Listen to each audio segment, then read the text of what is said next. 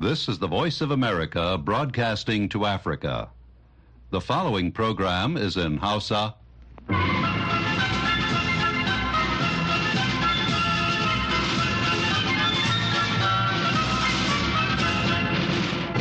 Sashen Hausa na murya Amurka ne ke magana daga nan birnin Washington DC.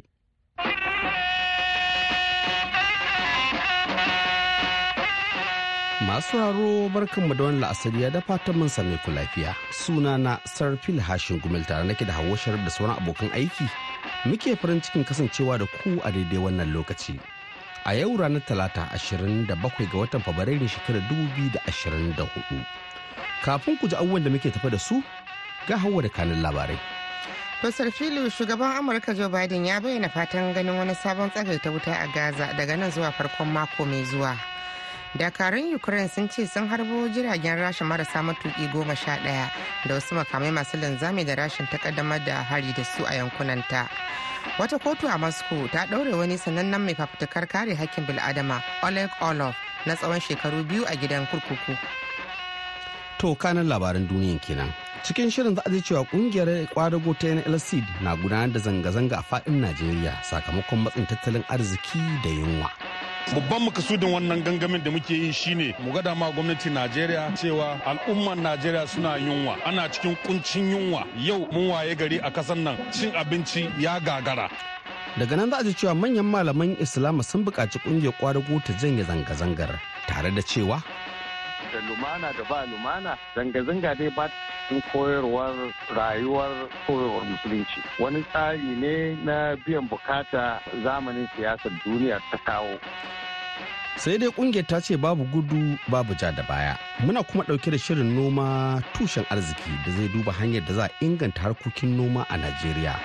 To amma fa sai mun fara da kashi na farko na labaran duniya tukunna.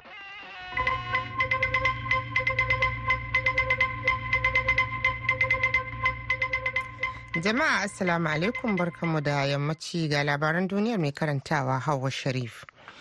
A yau talata ne shugaban amurka joe biden ke jagorantar shugabannin majalisar dokokin ƙasar domin wata tattaunawa a fadar white house a daidai lokacin da ake kara azakaimi domin tabbatar da samar da biliyoyin daloli a matsayin tallafi ga ukraine. Daga nan an kauce ma yiwuwar rufe ayyukan gwamnatin amurka.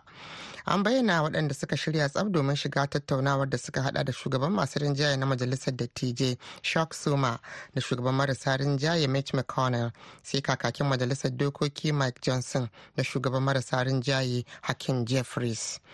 Majalisar dattijan mai rinjayen 'yan democrat ta amince ba tare da bangarancin siyasa ba da kuɗin da ya amince da samar da kuɗi dala biliyan 95 a farkon wannan watan da ya ƙunshi dala biliyan 61 ga ukraine da dala biliyan 14 ga isra'ila da kusan dala biliyan 5 domin tallafawa abokan hulɗa da ke yankin indo-pacific da ya hada da taiwan da sauran sassa na bayar da tallafi. Johnson dai ya sha alwashin cewa ba zai kai kudirin gaban majalisar dokokin ƙasar ba domin kada ƙuri'a inda ya ce abin da ke gaban amurkawa a yanzu shine ganin majalisar ta mai da hankali kan matsalolin cikin gida da suka hada da batun tsaron kan iyaka maimakon aikewa da tallafi ƙasashen ƙetare. A wani labarin makamancin wannan shugaban amurkan joe biden ya bayyana fatan ganin wani sabon tsagaita wuta a gaza daga nan zuwa farkon mako mai zuwa a yayin da wakilai daga ƙasashe da dama ke aiki domin ganin an dakatar da faɗan na farko tun ƙarshen watan nuwamba. Biden ya shaida wa manema labarai a birnin new york cewa ba shi da shawara akan al'amarin tsaron ƙasa wato mai ba shi shawara akan al'amarin tsaron ƙasa ya shaida mushi cewa ana gab da cimma nasara. Biden ya kara da cewa ba a kai wurin ba tukunna amma yana fatan za a cimma tsagaita wuta zuwa ranar litinin mai zuwa idan Allah ya kai mu. Tuni dai masu shiga tsakani ke ta kai komo domin ganin cimma yarjejeniyar tsagaita wuta na makonni shida a faɗan da ake yi. Yarjejeniyar za ta hada da sakin mutane da Hamas ta yi garkuwa da su a Gaza da sakin Falasɗinawa da Isra'ilan ke riƙe da su a matsayin bursunoni. A ranar talata ne dakarun ukraine suka ce sun harbo jiragen rasha marasa matuki goma sha ɗaya da wasu makamai masu linzami da rashin takaddamar da hari da su a yankunanta a cikin dare.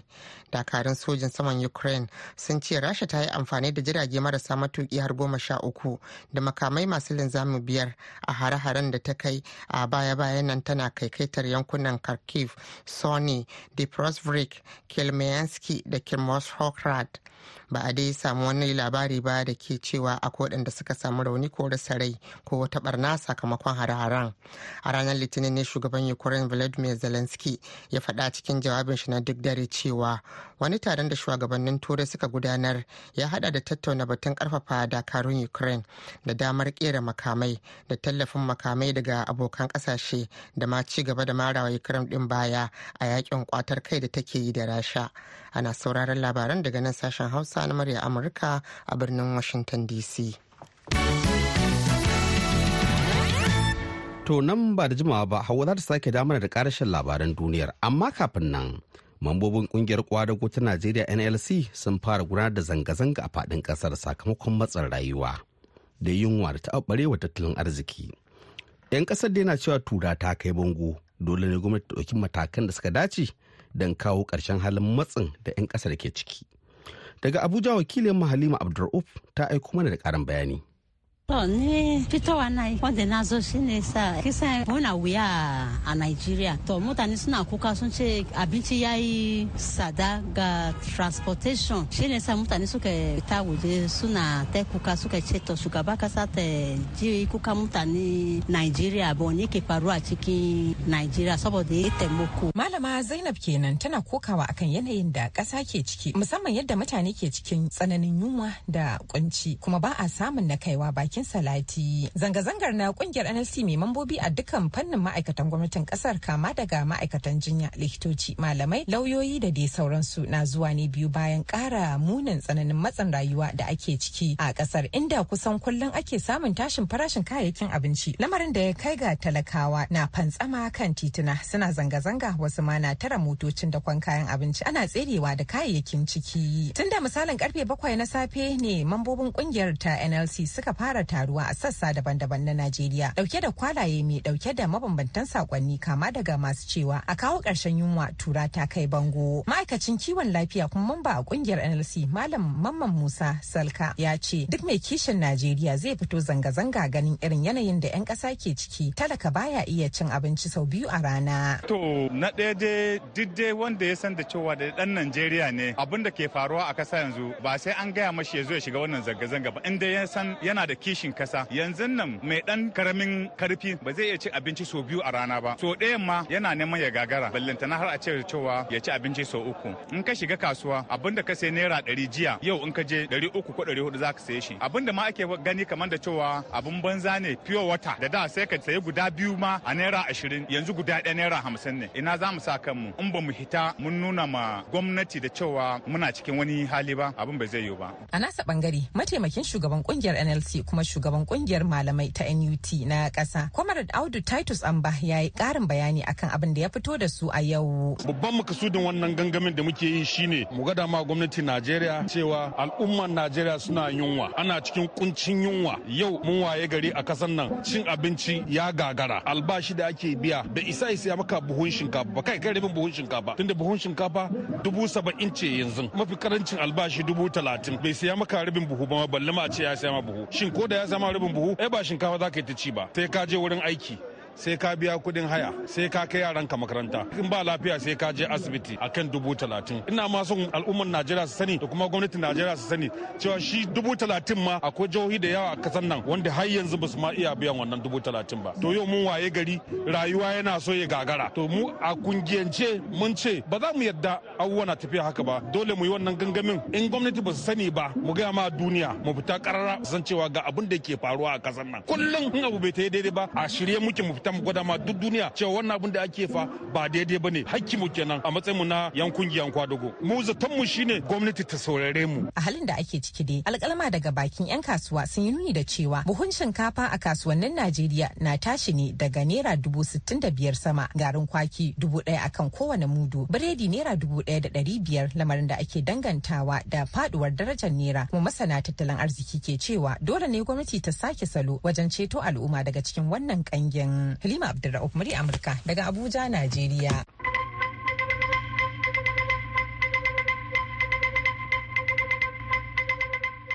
To Allah ya kyauta a gaida Halima Abdur'uf. Wannan shirin na zuwa muku ne daga nan sashen Hausa na murya Amurka a birnin Washington DC. Yanzu kuma ga hawa ta damana da karashin labaran duniya. A yayin da wata yarjejeniyar kimiyya da fasaha da aka kulla tsakanin ƙasashen amurka da sin wato china ke gab da karewa a ran talatin nan ma'aikata harkokin cikin gidan amurka ta ce tana shirye-shirye na ganin an gyara tare da tsawaita yarjejeniyar tare da kafafa samar da kariya a ciki ba tare da bayyana takamaimai tabbacin ko amurkan za ta ci gaba akan yarjejeniyar ta baya ba. Wani mai magana da yawan ma'aikatar ya shaida a murya amurka cewa ba za a iya sanar da wani bayani a halin yanzu ba kan matsayin na amurka dangane da ko za ta tsawaita akan yarjejeniyar ta baya da ake wato da take gab da karewa yarjejeniyar da aka kulla kan kimiyya da fasahar wani kundi ne na tsare-tsaren ayyuka na haɗin gwiwa tsakanin amurka da china a fannin kimiyya da fasaha. A ranar talatan nan ne wata kotu a moscow ta ɗaure wani sanannen mai fafutukan kare hakkin bil'adama oleg olov na tsawon shekaru biyu da rabi a gidan kaso bayan samun shi da laifin tozarta dakarun rasha a wata shari'a da masu lura da al'amura a duniya suka yi tir da ita da suka ce siyasa ce kawai Olaf mai shekaru 70 a duniya ya shafe sama da shekaru 20 yana jagorantar ƙungiyar fafutukar kare hakkin bil'adama ta Right Group Memorial.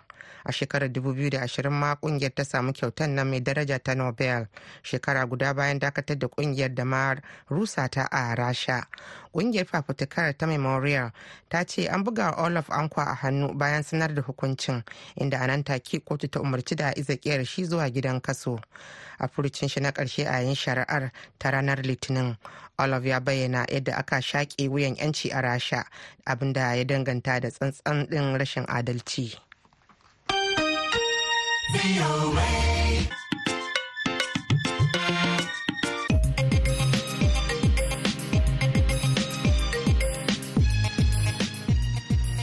Hawa Sharif kenan ta karanto mai labaran duniya daga nan sashen Hausa na murya Amurka a birnin Washington DC.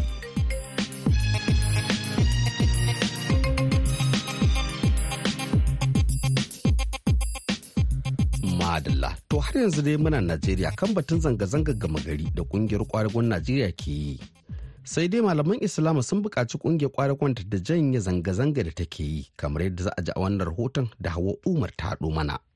Shugaban Majalisar Shari'ar Islama a Najeriya, Nafi'u Baba Ahmed ya ce a tarihi zanga-zanga ba ta haifar da sakamako mai kyau. Baba Ahmed ya buƙaci ƙungiyar kwadago ta bullo da wata hanya da ta sha bamban da zanga-zanga don muradin zaman lafiya da hana keta doka da oda. Da lumana da ba lumana, zanga-zanga dai ba cikin koyarwar rayuwar koyarwar musulunci. Wani tsari ne na biyan buƙata zamanin siyasar duniya ta kawo. To kuma a yanayin da muke ciki da marar da muke ciki a ce za a yi zanga-zanga a yanzu yana iya kaiwa ga waɗansu wanda suna da wasu manufa da wata manufa daban na kawo tashin hankali ko fasa gidajen mutane ko tashin dukiyar mutane su janye akalar wannan zanga-zangan zuwa ga wata babbar fitina. Shi ma shugaban majalisar gudanarwa ta Izala Sheikh Nasiru Abdulmuhi ya ce, hakika mutane na cikin wahala amma zanga-zangar kwadago ba za ta samar da maslaha ba. Sheikh Abdulmuhi ya yi kira ga gwamnati ta ƙara buɗe rumbunan abinci don tallafawa jama'a yana mai buƙatar ƙungiyar kwadago ta fi mai da hankali wajen tattaunawa. Zanga-zanga ba hanya ce ta warware matsala ba. Kuma zanga-zangan mun ga illolinta a ƙasashen duniya daban-daban wanda ƙarshe abin da ya haifar shine da mara ido. Amma ba laifi ba ne hukuma in ƙa'ida ta nuna cewa akwai haƙƙin bayan Allah a kan hukuma to ta ba da su kuma a hanya ta tattaunawa a hanya ta zaman lafiya a hanya da ta dace. Ana shan wahala tunda ana shan wahala nan to hanyoyin da ya kamata a sauƙaƙa mutane tuni an sani ina ne rumbuna suke na abinci a fito da shi a ba mutane. Ina ne wurin da ya kamata a sauƙaƙa mutane wajen mai da sauransu. Don me? Don wannan ita ce hanya mafi zaman lafiya. Shugaban ƙungiyar kwadago ta NLC Comrade Joe Ajero ya ce ba wanda zai hana su zanga-zangar lumana. Yana mai zargin gwamnati da haɗa gungun zaune gari banza wajen kawo tashin tashina a lokacin zanga-zangar. Comrade Nasir Kabir jami'in ƙungiyar ne. Kungiyar kwadago mun fito za mu tabbatar da cewa mun nuna fushinmu ga yadda kayayyakin masarufi suka tashi a kasuwa kuma gwamnatin tarayya ta yi banza da 'yan najeriya ga walhalu ga rashin biyan ma'aikata ƙarin albashin da gwamnati alkoli da kuma zaman da suka yi da mu na yaudaran cewa za su yi duk yadda za su yi su tabbatar da sun ka sauƙi a rayuwa kullum sai rayuwar karuwa take na walhalu da mutane suke ciki. Gwamnati ba za ta yi gaban kanta ba al'umma take mulki kuma wannan al'umma suna cikin ukuba ko ba za mu iya zuba ido muna kallon gwamnati tana azabtar da mutane ana walhal da mutane ba. Idan gwamnati ba ta ɗauki mataki akan wannan abubuwa ba a to ina mai tabbatar wa 'yan najeriya babu gudu babu ja da baya wannan ƙungiya za mu kirawo yajin aiki na gama gari kuma za mu durkusar da duk wani al'amura kuma za mu tabbatar da cewa mun jaye duk ma'aikatanmu da kawato kowane aiki a najeriya. Fadar asorok ta mai da martani kan ikirarin na kwadago da nuna san ba gaskiya ba ne. Mai taimakawa shugaba tinubu kan sadarwa bayo onanuga ya nesanta gwamnati da shirin ɗaukar nauyin gungun hamayya da zanga-zanga. Hawa umar muryar amurka daga abuja najeriya. To gaida Hawa Umar wannan shirin na zuwa muku ne daga nan sashen Hausa na murya Amurka a birnin Washington DC akan mitoci goma sha shida ashirin da biyar da kuma talatin da ɗaya. A jamhuriyar Nijar za a iya ta samu a tashar mu ta VOA Africa akan mita ɗari da biyu da biyar zangon FM. Kamar ko da yaushe za a iya shafukan mu na yanar gizo domin sake jin wannan shirin da ma sauran shirye-shiryen mu da suka gabata ta adireshin mu na voahausa.com. To yanzu a nan Washington DC agogonmu na cewa ƙarfe goma da minti goma sha shida na safe yanzu kuma sai shirin na gaba. Noma tushen arziki. Noma tushen arziki. Noma sannadi na cigaba. Jama'a assalamu alaikum.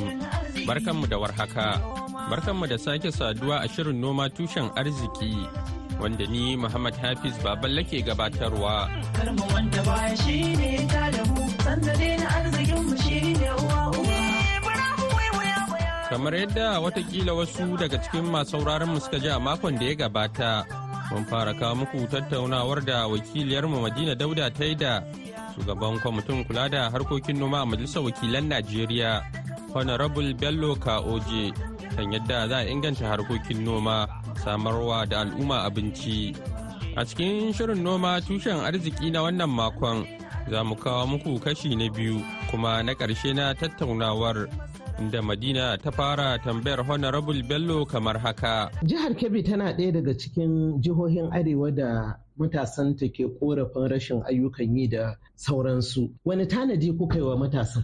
Ai kaman wada nake gaya miki tanadi already an riga an yi tanadi. Mutane abin da ba su fahimta ba karatu ba wai lalle in ka kai karatu ka ce dole sai ka samu aikin gwamnati ba. kamar aikin nan na noma aiki ne wanda ni yanzu haka a matsayina na dan majalisar tarayya ban taba wasa da noma babban manomi nake a jihar mu. Kuma ina cikin large scale farmers a jihar Kebbi. Kuma bai hana ni aiki na na majalisa ba. Kuma alhamdulillah hannun Abuja ina noma. Don ina da gona ta noma wanda doka ta bani dama in wayannan abubuwa. Shi yasa kika gani yanzu ai office ina kike same ni. Kuma office din da mainly abin da muke haraka ne na noma na poultry da kingin su. Kuma a can jihar Kebbi mai girma gona ya yi wani shiri na bubbuɗa scale acquisition centers. Zan iya buɗe yanzu haka wayata yan gwada miki. Yanzu haka akwai centers inda ake ana koya mutane sana'o'i na hannu. Wasu ɗinkin tela wasu aikin kafintarin wasu mesin da menene. Saboda idan ka iya kuma za a baka tana tallafi wanda za ka iya zuwa ka je ka dogara ga kanka. An riga an kammala wannan shiri ɗin. Kuma akwai centers waɗanda muka gina kamin ita gwamnati ta ƙara gina nata za a yi amfani da su domin ciyar da al'umma irin manoman da ke yekuwa na rashin aikin yi. To yanzu sai inda baka tashi aiki ba. Jiya ina tabbatar miki ko in ji makan da an kare ba kusan kashi 60 wa'anda a beneficiaries duk matasa ne. Kuma duk an ja kunnen su kowa ya koma aiki. In ka je aikin noma yanzu aikin noman rani wallahi cikin wata uku kana iya tanadin miliyan uku na kanka. To wani aikin gwamnati ne za ka yi wanda za ka yi wata uku tanadin miliyan uku ko miliyan guda ma? Kai ko dubu ɗari biyar as a graduate ma. To amma in ka dage shi yasa muka kirkiro wani program na shi eh, ka dage din. Ka dage kuma ana can ana ta kuwa ana ta kira ga al'umma a dage a dage a dage. Kuma ina tabbatar miki bisa ga abubuwa suke tafiya kusan matasa da al'umman jihar Kebbi sun karɓi wannan kira na ka dage. Addu'an mu Allah ya ba mu ikon To ba zan manta da yan uwana ba a tambaya ta ta ƙarshe. Mata manoma a jihar Kebbi me kuka tanadar musu? mata da ma most of alakan noman rani da ake yi kusan kashi 20-30 duk mata ne. Kuma jiya waɗanda suka kasance beneficiaries na abubuwan nan akwai mata ciki. A bayan haka kuma irin skill acquisition center musamman abin da ya shafi harkar tailoring akwai inda ake koya ma mata harkar tailoring. In kika je yanzu aka ɗakin gari akwai wata center tana nan wadda aka gina. Mata musamman sun yi taking over wannan center ɗin. Ana koya musu harkar noman ɗinkin tela. Ana koya musu harkar hair dressing. Kuma mai girma gona ya alkawali duk mace da aka koya mata iya to za a ba ta tallafi domin ta je ta ci gaba da inganta sana'ar da aka koya mata. Da kuma noma a ɓangare? Da kuma noma a ɓangare shi ma. Yau ina gaya muku wani abu idan ka je mazaɓata da ka ba mutumin mazaɓata mashin na hawa to ya fi son ka bashi injimi na noman rani. Don in ka bashi injimi na noman rani ya faɗa fadama to yana iya samun kasan kuɗin mashin uku daga bashi mashin ɗin hawa. To honorable bari mu ji matakan da kuke ɗauka akan harkan tsaro a jihar Kebbi ganin cewa yawanci tsaro na shafin harkar noma. Gaskiya tun shigowar wannan gwamnati yana cikin mataki na farko da mai girma gona ya ɗauka harkar tsaro kuma gaskiya gaskiya so far so good don kusan in ce yanzu yankin jihar Kebbi babu inda ba a noma. Ko a kudancin kebbi ta gefen zuru inda ake da ƙalubale ba a risa one or two things amma dai ina gaya muku kusan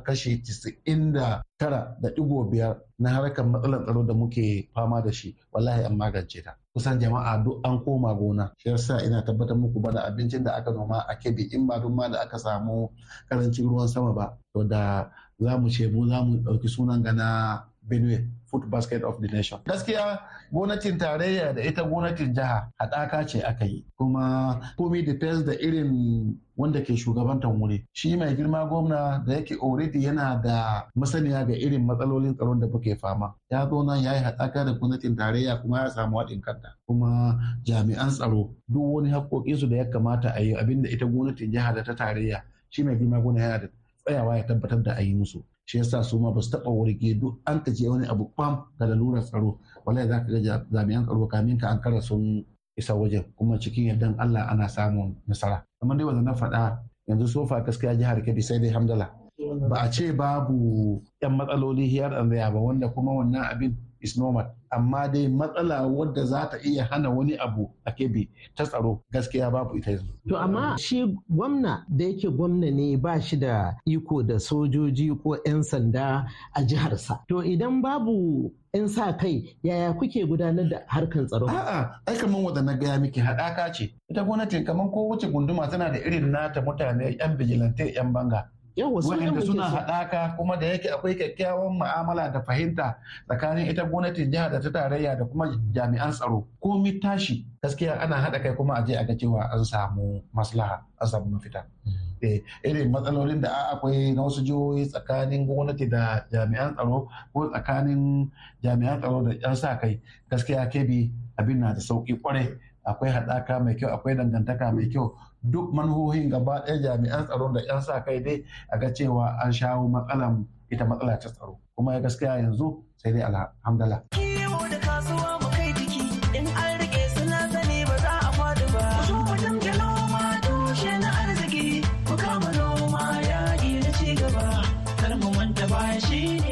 Yanzu kuma sai sashen kasuwa inda za mu leƙa kasuwar ƙasa da ƙasa ta Ilela da ke jihar Sokoton Najeriya. Domin jin farashin kayayyakin masarufi a wannan makon. Da farko dai sunana Zakariya mai sai da shinkafa da gumi a nan tsohon kasuwa Sokoto. To wallahi farashi sai dai a ce alhamdulillah saboda abubuwa da komai ya canza sosai sosai. saboda yau in ka sayi naira goma gobe za ka sai suwa naira ishirin za ka kamin ka sai suwa kaji an ce ya koma naira ishirin in kana so goma dole da jarin ka zai koma kila na bakwai ko kuma shidda misali saboda haka dai abu sai dai mu ce inna lillahi wa inna ilaihi raji'un Allah ya kawo mana ɗauki gaskiya watan da ya wuce buhun gumi muna sayar da shi akan naira dubu sittin da biyar ainihin dangwace zuwa yanzu muna sayar da shi dubu saba'in da bakwai. To yanzu ina gan zai kara naira kusan dubu goma sha bakwai da ya kara daga wancan wata zuwa yanzu. Mai shi ma mai muna cikin wannan yanayi nashi wancan wata wanda ya wuce mai muna sayar da shi dubu talatin da biyu da ɗari biyar yanzu kuma ya kama naira dubu arba'in da bakwai kowace jarka guda. Manja gaskiya to shi dai alhamdulillah shi bai kara sosai ba gaskiya. Sunana usama isa umaru mai shinkafa tsohuwar kasuwa jihar sokoto. Gaskiya babu abin da zancewa irin abubuwan gaskiya sun yi tsada sosai. Tunda kuwa ga indomi yanzu ga ta shekaran jiya ko da ne baka kasuwa abin da take naira dubu goma sha ɗaya da ɗari biyar. Amma da ko da na dawo jiya abin da take naira dubu goma sha biyar kun ga abubuwan sun yawa sosai da sosai. To ita talaya gaskiya ba wani abu na ta kara ba sosai. Abin da ta kara bai wuce ɗari uku uku. Don abin da take naira dubu goma sha biyu da ɗari bakwai. To da jiya da yau sai ta kara ɗari uku. Kun ga ita bata yi wani ƙari sosai ba wanda za a abin gan mutane. Kana da magana dan maliki amara ilil local government. Jihar sokoto. To farashin buhu ya riga ya faɗi. Allah fara mana magani. Amma ko yanzu sai gwamnati ta tashi tsaye. Saboda mi a tashi tsaye na gwamnati? Ginnafin da ya hana a yi noma. Duk inda aka noma ginnafin ya hana. Don haka duk da aka san farashin nan shi faɗo kasa in ba gwamnati ta ɗauke mataki ba na watsar mana da yan ginnafin ba babu radda abinci zai sauƙi to buwan gero dai can da wuri. Ana sai da buwan gero dubu hamsin da bakwai amma yanzu ya dawo dubu arba'in da takwas. Arba'in da bakwai. Masara an sisar dubu sittin kuma ta dawo dubu arba'in da bakwai dubu arba'in da shidda. Ta haka alhamdulillah mu har ganin sauƙi a har zakwa. Masu sauraro a nan za mu dasa a cikin wannan shirin namu. Idan Allah ya kai mu makon gobe za mu kawo muku wani sabon shirin. Yanzu a madadin dukan waɗanda kuka ji muryoyinsu musamman shugaban kwamitin kula da harkokin noma a majalisar wakilan Najeriya Honorable Bello Oje wakilan ma Abuja Madina Dauda. Da kuma Julie Leathers Gresham da ta taimaka ta haɗa mana sauti da ba da umarni ni Muhammad Hafiz Baballe ke sallama da ku daga nan sashin Hausa na murya Amurka a birnin Washington DC sai wani makon idan Allah ya kai mu.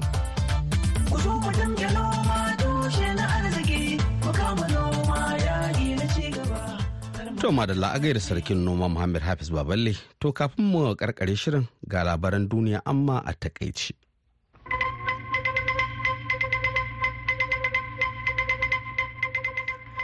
To Sarfilo a taƙaice a yau talata ne shugaban Amurka Joe Biden ke jagorantar shugabannin majalisar dokokin ƙasar domin wata tattaunawa a fadar White House a daidai lokacin da ake ƙara azakaimi domin tabbatar da samar da biliyoyin daloli a matsayin tallafi ga Ukraine da ganin an kauce ma yiwuwar rufe ayyukan gwamnatin Amurka. An bayyana waɗanda suka shirya tsab domin shiga tattaunawa da suka hada da shugaban masu rinjaye na majalisar dattijai shak suma da shugaban marasa rinjaye mitch mcconnell sai kakakin majalisar dokoki mike johnson da shugaban marasa rinjaye hakim jeffries.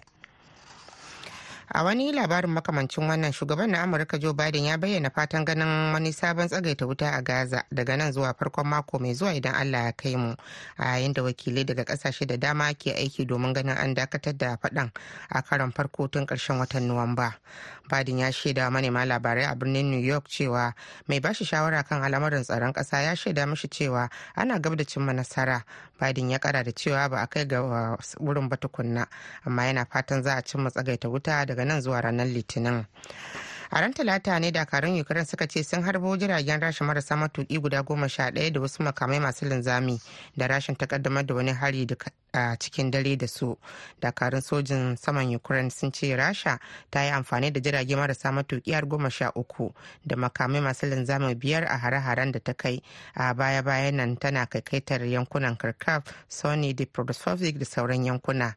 Ba a dai samu wani labarin samun wani rauni ko rasa ba a sakamakon har-haren a yayin da wata yarjejeniyar kimiyya da fasaha da aka kulla tsakanin ƙasashen amurka da sin wato china ke gab da karewa a ran talatin nan ne ma'aikatar harkokin cikin gidan amurka ta ce tana shirye-shiryen ganin an gyara tare da tsawaita yarjejeniyar tare da ya ƙarfafa samar da kariya a ciki ba tare da ya bayyana takamaiman tabbacin ko amurkan za ta ci gaba da yarjejeniyar ta baya ba.